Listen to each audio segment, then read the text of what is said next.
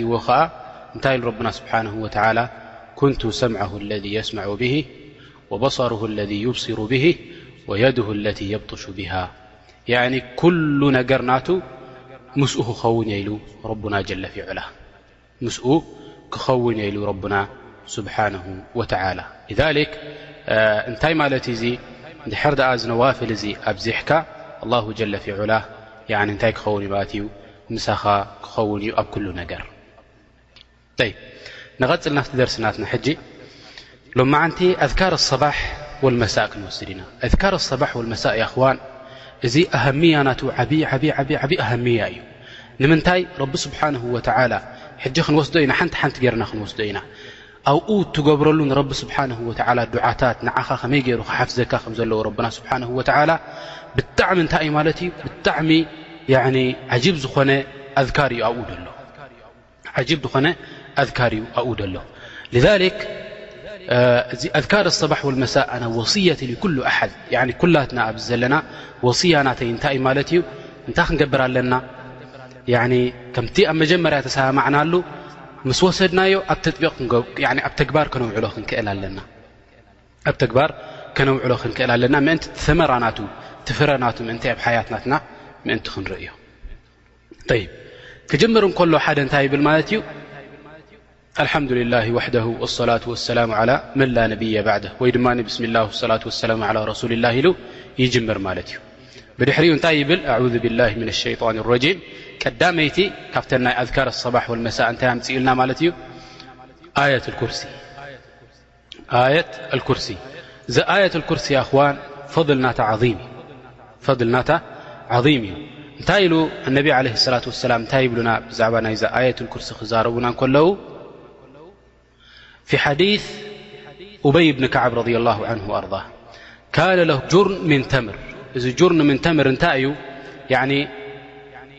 ቦታ ዝነቕጸሉ ናይ ተምሪ እዩ ቦታ ዝነቕጸሉ ናይ ተምሪ እዩ ኣብኡ ሕጂ እንታይ ገይሩ ነይሩ ተምሪ ኣቐሚጡ ፈካኑ ፈካነ እንታይ ኢሉ ፈካነ የንቁሱ እቲ ተምርሲ በብመዓልቲ ክጎድል ርእይዎ ፈሓረሰሁ ዛተ ለይላ ሓንቲ ለይቲ እንታይ ኢሉ እስከ ካብ ምንታይ እዩ ዝጎድል ዘሎ እንታይ እዩ ሰበብ ናይ ዝመጉደሊ ናይ ዝተምሪ እዙ ክሪኦ ኣለኒ ኢሉ ክሕልዎ ሓዲሩ ፈኢዛ ሁዋ ብዳበትን ሽብህ ልጉላም ኣልሙሕተልም እንታይ ይብል ዝኾነት እንስሳ ርእዩ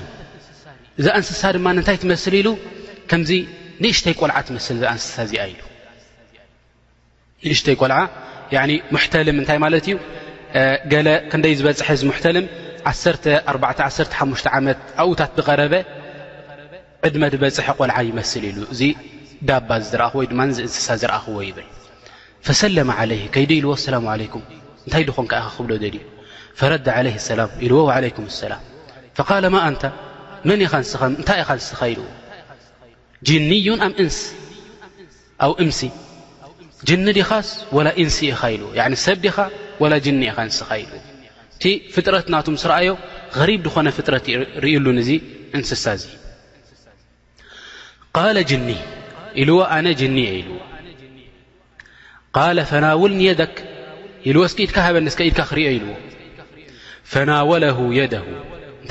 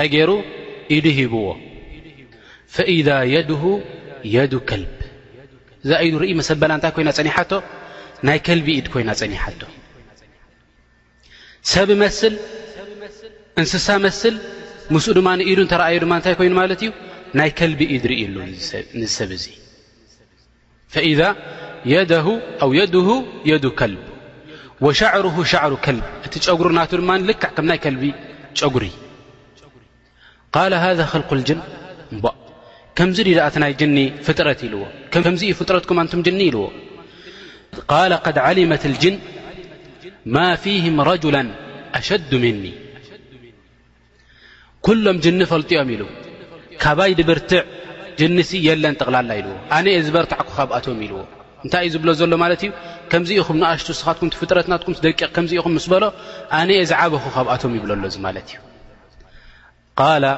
ፈማ ጃء ብክ እንታይ ኣምፅእካ ጠይብ ናብዚ ቦታ ኢሉ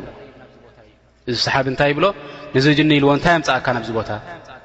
ቃል በለغና ኣነካ ትሕቡ صደቃ በፂሑና ንስኻ ሲ ሰደቃ ከም ትፈቱ ሰደቃ ከም ትህብ ስለ ዝሰማዕና ብከምኡ ኢና ናባኻ መፅእና ዘለና ይብሎ ፈጂእና ኑሲቡ ምን ጣዓሚካ ካብቲ ናትካ ምግቢ ክንረክብ ኢልና ካብቲ ናትካ ሰደቃ ክንረክብ ኢልና ኢና መፂና ዘለና ኣብዚ ቦታካ ይብሎ ቃለ ፈማ ዩነጂና ምንኩም ሕጂ እዚኣ እቲ ዓባይ ዘረባ ኣብዚኣ እያ ዘላ ማለት እዩ ጠይብ ኢልዎ ካባኻትኩም ዘድሐነና ነገር ንሕና ደቂ ሰባት ሲ እንታይ እዩ እስከ ንገረኒ ኢልዎ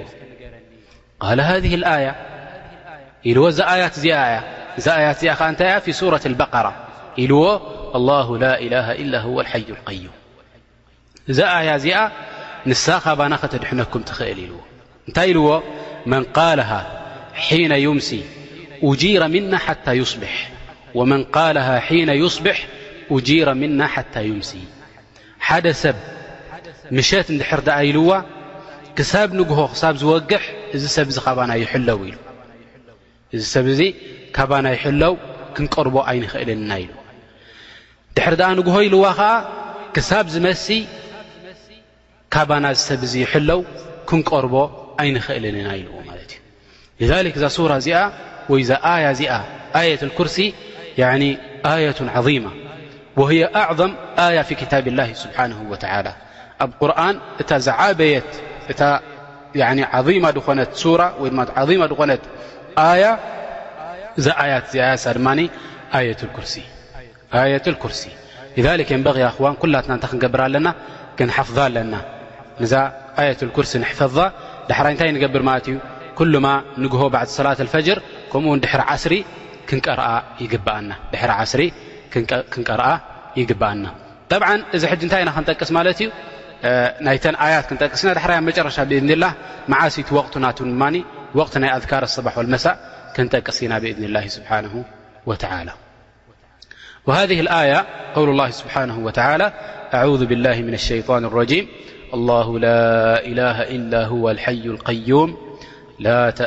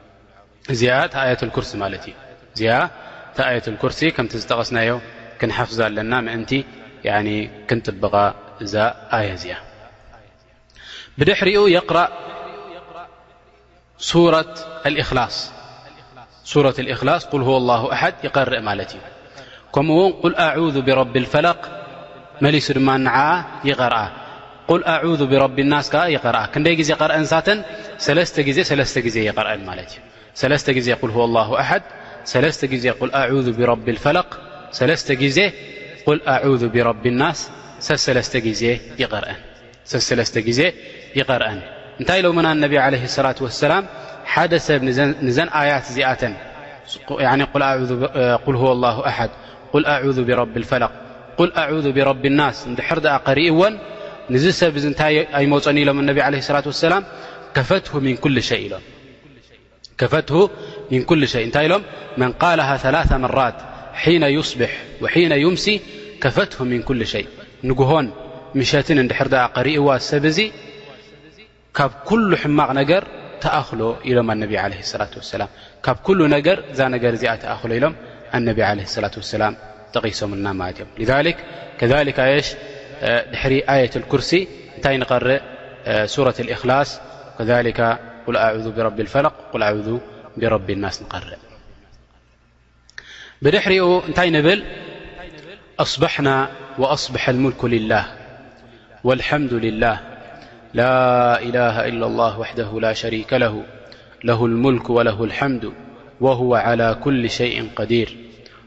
رب أسألك خير ما في هذا اليوم وخير ما بعده وأعوذ بك من شر ما في هذا اليوم وشر ما بعده رب أعوذ بك من الكسل وسوء الكبر رب أعوذ بك من عذاب في النار وعذاب في القبر እዚ እንታይ ይብል ንግሆ ከምዚ ይብል ማለት እዩ ንግሆ እንታይ ይብል ኣስባሕና ኣስበሐ ልሙልኩ ልላ ምሸት እንተኮይኑ ከዓ እንታይ ይብል ኣምሰይና ኣምሰ ልሙልኩ ልላ እታ ዝጠቀስናያ ኩላ ይብላ ማለት እዩ ይ ናብቲ ማዕና ናቱ ክንኣቱ ሕጂ እንታይ ይብል ኣሎ ሓደ ሰብ እቲ ዚክር ዝገብር ሰብ እንታይ ይብል ኣሎ ማለት እዩ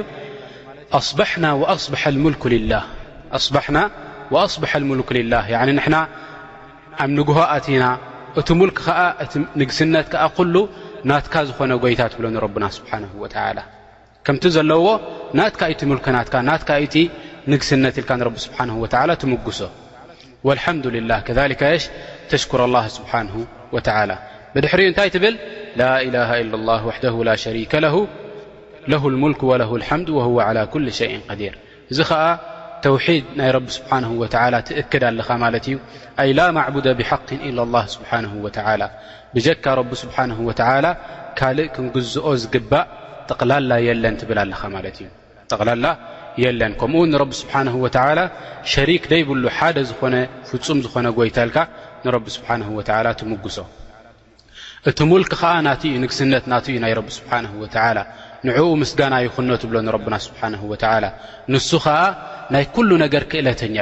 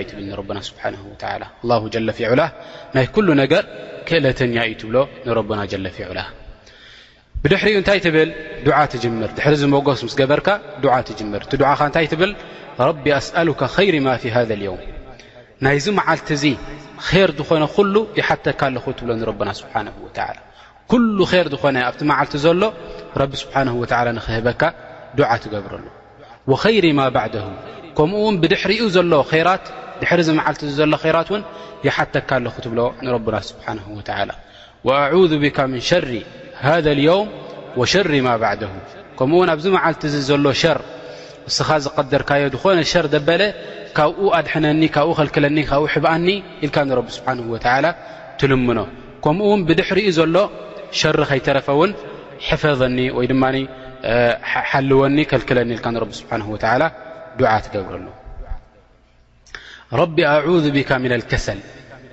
ንረቢ ስብሓንሁ ወተዓላ ትህኪት ንኸይህልወኒ ናባኻ ይዕቆብ ኣለኹ ትብሎ ኣንታ ጐይታይ ካብ ትህኪት ናባኻ ኣዕቁበኒ እንታይ እ ትህኪት ኣልከሰል እንታይ ማለት እዩ ነፍስኻ እታ ነፍሲ ኣንላ ተንሸጥ ጣዓት ላሂ ስብሓንሁ ወተዓላ እዛ ነፍሲ እዚኣ ንጣዓ ናይ ረቢ ስብሓንሁ ወተዓላ ምእዛዘ ናይ ረቢ ስብሓንሁ ወተዓላ ንኽትገብር ትህከይ ማለት እዩ ካብኡስ ኣድሕነኒ ትብሎ ንረብና ስብሓንሁ ወተዓላ ንምንታይ ህኩይ ሰብ ይተሓዝ እዩ ኣብ ረቢ ስብሓንሁ ወተዓላ ያዕኒ የሽ ሓደ ሰብ ተሃክዩ እንድሕር ድኣ ደቂሱ ሰላት ዘይሰጊዱ ተሃክዩ እንድሕር ድኣ ያዕኒ እቲ ዋጅባት ዲን ዝገበረሉ እንድሕር ድኣ ዘይገይሩ እዚ ሰብ እዚ ኣብ ረቢ ስብሓንሁ ወተዓላ ይተሓዝ ላኪን ኣልዓጅዝ ኣልዓጅዝ ያኒ ክእለተኛ ደይኮነ ሰብ ክእለት ደይብሉ ሰብ ኣብ ረቢ ስብሓንሁ ወተዓላ ኣይተሓዝን እዩ ላኪን ትህኩይ ንነብሱ ባዕሉ ስለ ዘህከያ ንነብሱ ባዕሉ ስለ ዘዳኸማ ያኒ ኣብ ረቢ ስብሓንሁ ወተዓላ ትሑዝ ይኸውን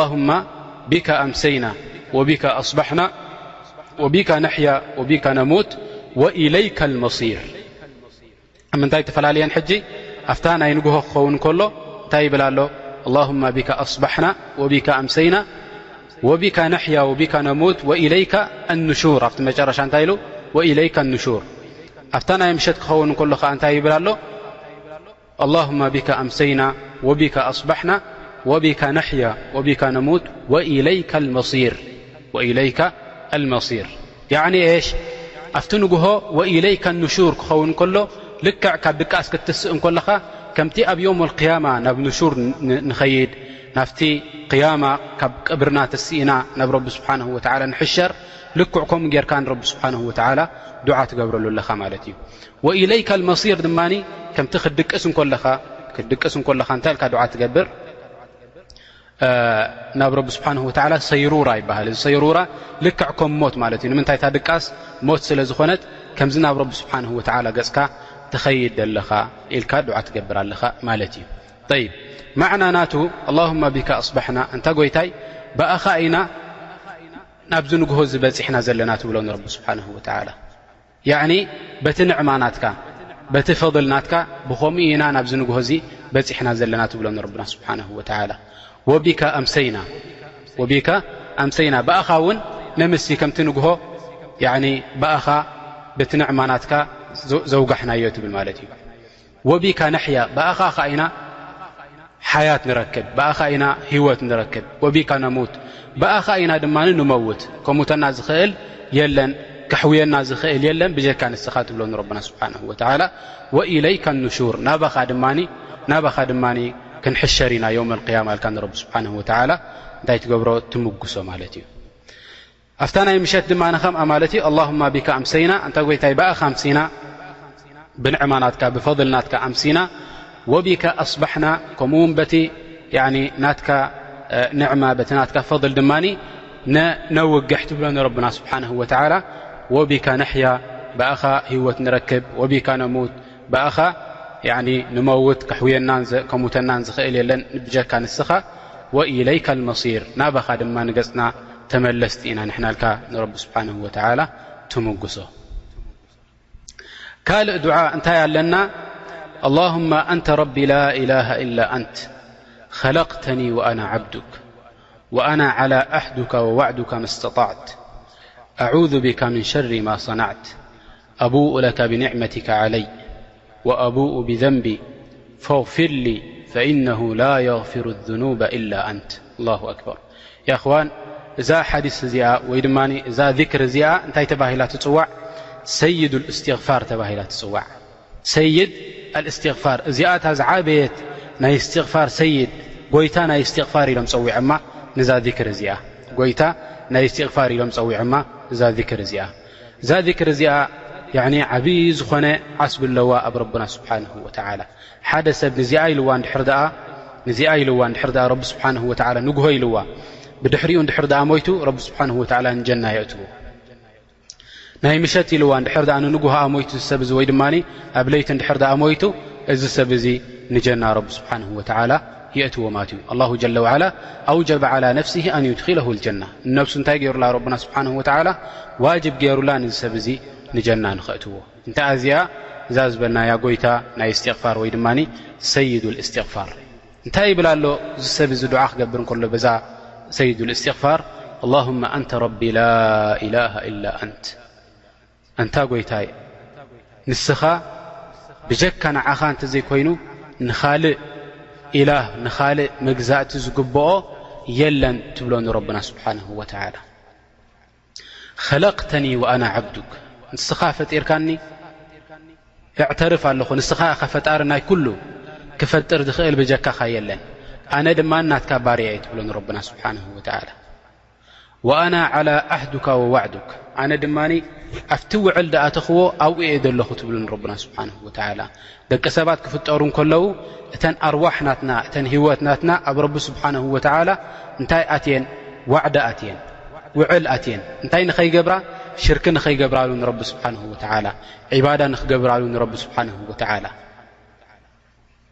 ሕጂ ኣብቲ ልክዕ ዝኣተኽዎ እዋን ኣብቲ እዋን እቲ ዝኣተኽዎ ውዕል ኣብኡ እየ ደለኹ ንዓኻ ንክግዝኣካ ሽርካ ንዓኻ ንኸይገብረልካ ትብሎ ንረብና ስብሓንሁ ወተዓላ እዚ ከዓ በቲ ዝሃብካ ንክእለት ትብሎ ንረብና ስብሓንሁ ወተዓላ መስተጣዕቱ ያዕኒ ክእለተይ ክሳብ ክእለት ዘለኒ እዋን ንዓኻ እንታይ ክገብረልካ እየ በቲ ክእለተይ ንዓኻ ተውሒድካ ንዓኻ ዒባዳ ናትካ ክገብረልካ እየ ትብሎ ንረብና ስብሓንሁ ወተዓላ ኣዑዙ ቢካ ምን ሸሪ ማ ሰናዕት ሕጂ እንታይ ትገብር ኣለኻ እንታ ጎይታይ ናባኻ ዕቆብ ኣለኹ ካብቲ ኩሉ ሕማቕ ዝገበርክዎ ኣላሁ ኣክበር ያዕኒ ሰብ እዚ እንታይ ይገብር ኣሎ እዕትራፍ ይገብር ኣሎ ንዛ ነፍሱ እዚኣ እቅራር ይገብረላ እዕትራፍ ይገብረላ ኣነሲ ይእመን ኣለኹ በቲ ዝገበርክዎ ሕማቕ ናተይ ካብኡ ኸዓ ናባኻ ዕቆብ ኣለኹ መሓረ ንትብሎ ንረብና ስብሓን ወተላ ኣቡኡ ለካ ብኒዕመትካ ዓለይ ኣነ ድማ እዕትራፍ እገብር እዕትራፍ ይገብር እቅራር ይገብር ይኣመን ኩሉ ንዕማ ድመፀኒ ካባኻ እዩ ትብሎ ንረብና ስብሓን ወተላ ኩሉ ንዕማ ድመፀኒ ካባኻ እዩ ትብሎ ንረብና ስብሓን ወተላ ኣላ ኣክበር ያኒ ገለ ሰብ እንታይ ይመስሎ ሽሻይ ድሃቦ ረብና ስብሓን ወተላ ርዝቅናቱ ዋስዕ ድገበረሉ ወይ ኣቦይ ሓፍታም ስለ ዝነበረ ካብ ኣቦይ ዝወረስክዎ እየ ወይ ድማ ምሁር ስለ ዝኾንኩ ብትምህርተይ ዘምፃእክዎ እየ ወይ ከምዚ ዝኣምሰለ ጥበብ ስለ ዘለኒ ብጥበበይ ደምፃእክዎ እየ ዝብል ኣብ ሓንጎሉ ምናልባት ይመፁ ንደቂ ሰባት ማለት እዩ እዚ ጌጋ እዩ ኣብ ዓለም እንድሕር ዳሪኻዮ ሕጂ ብዙሓት ምሁራት ኣለው ድኻታት ይነብሩ ብዙሓት ሰባት ኣለው ምርሻ ካብ ስድረኦም ዝወሰዱ ላኪን ድሕርቲ ምርሻ መዓት መላይን ዝወረስዎ ብድሕሪኡ እንታይ ወፅኦም ማለት እዮም ድኻታት ወፅኦም ንምንታይ ንዕማ ኩሉ ካብ መን ምዃኑ እዩ ካብ ረቢ ስብሓን ወተላ ጥራሕ እዩ ማለት እዩ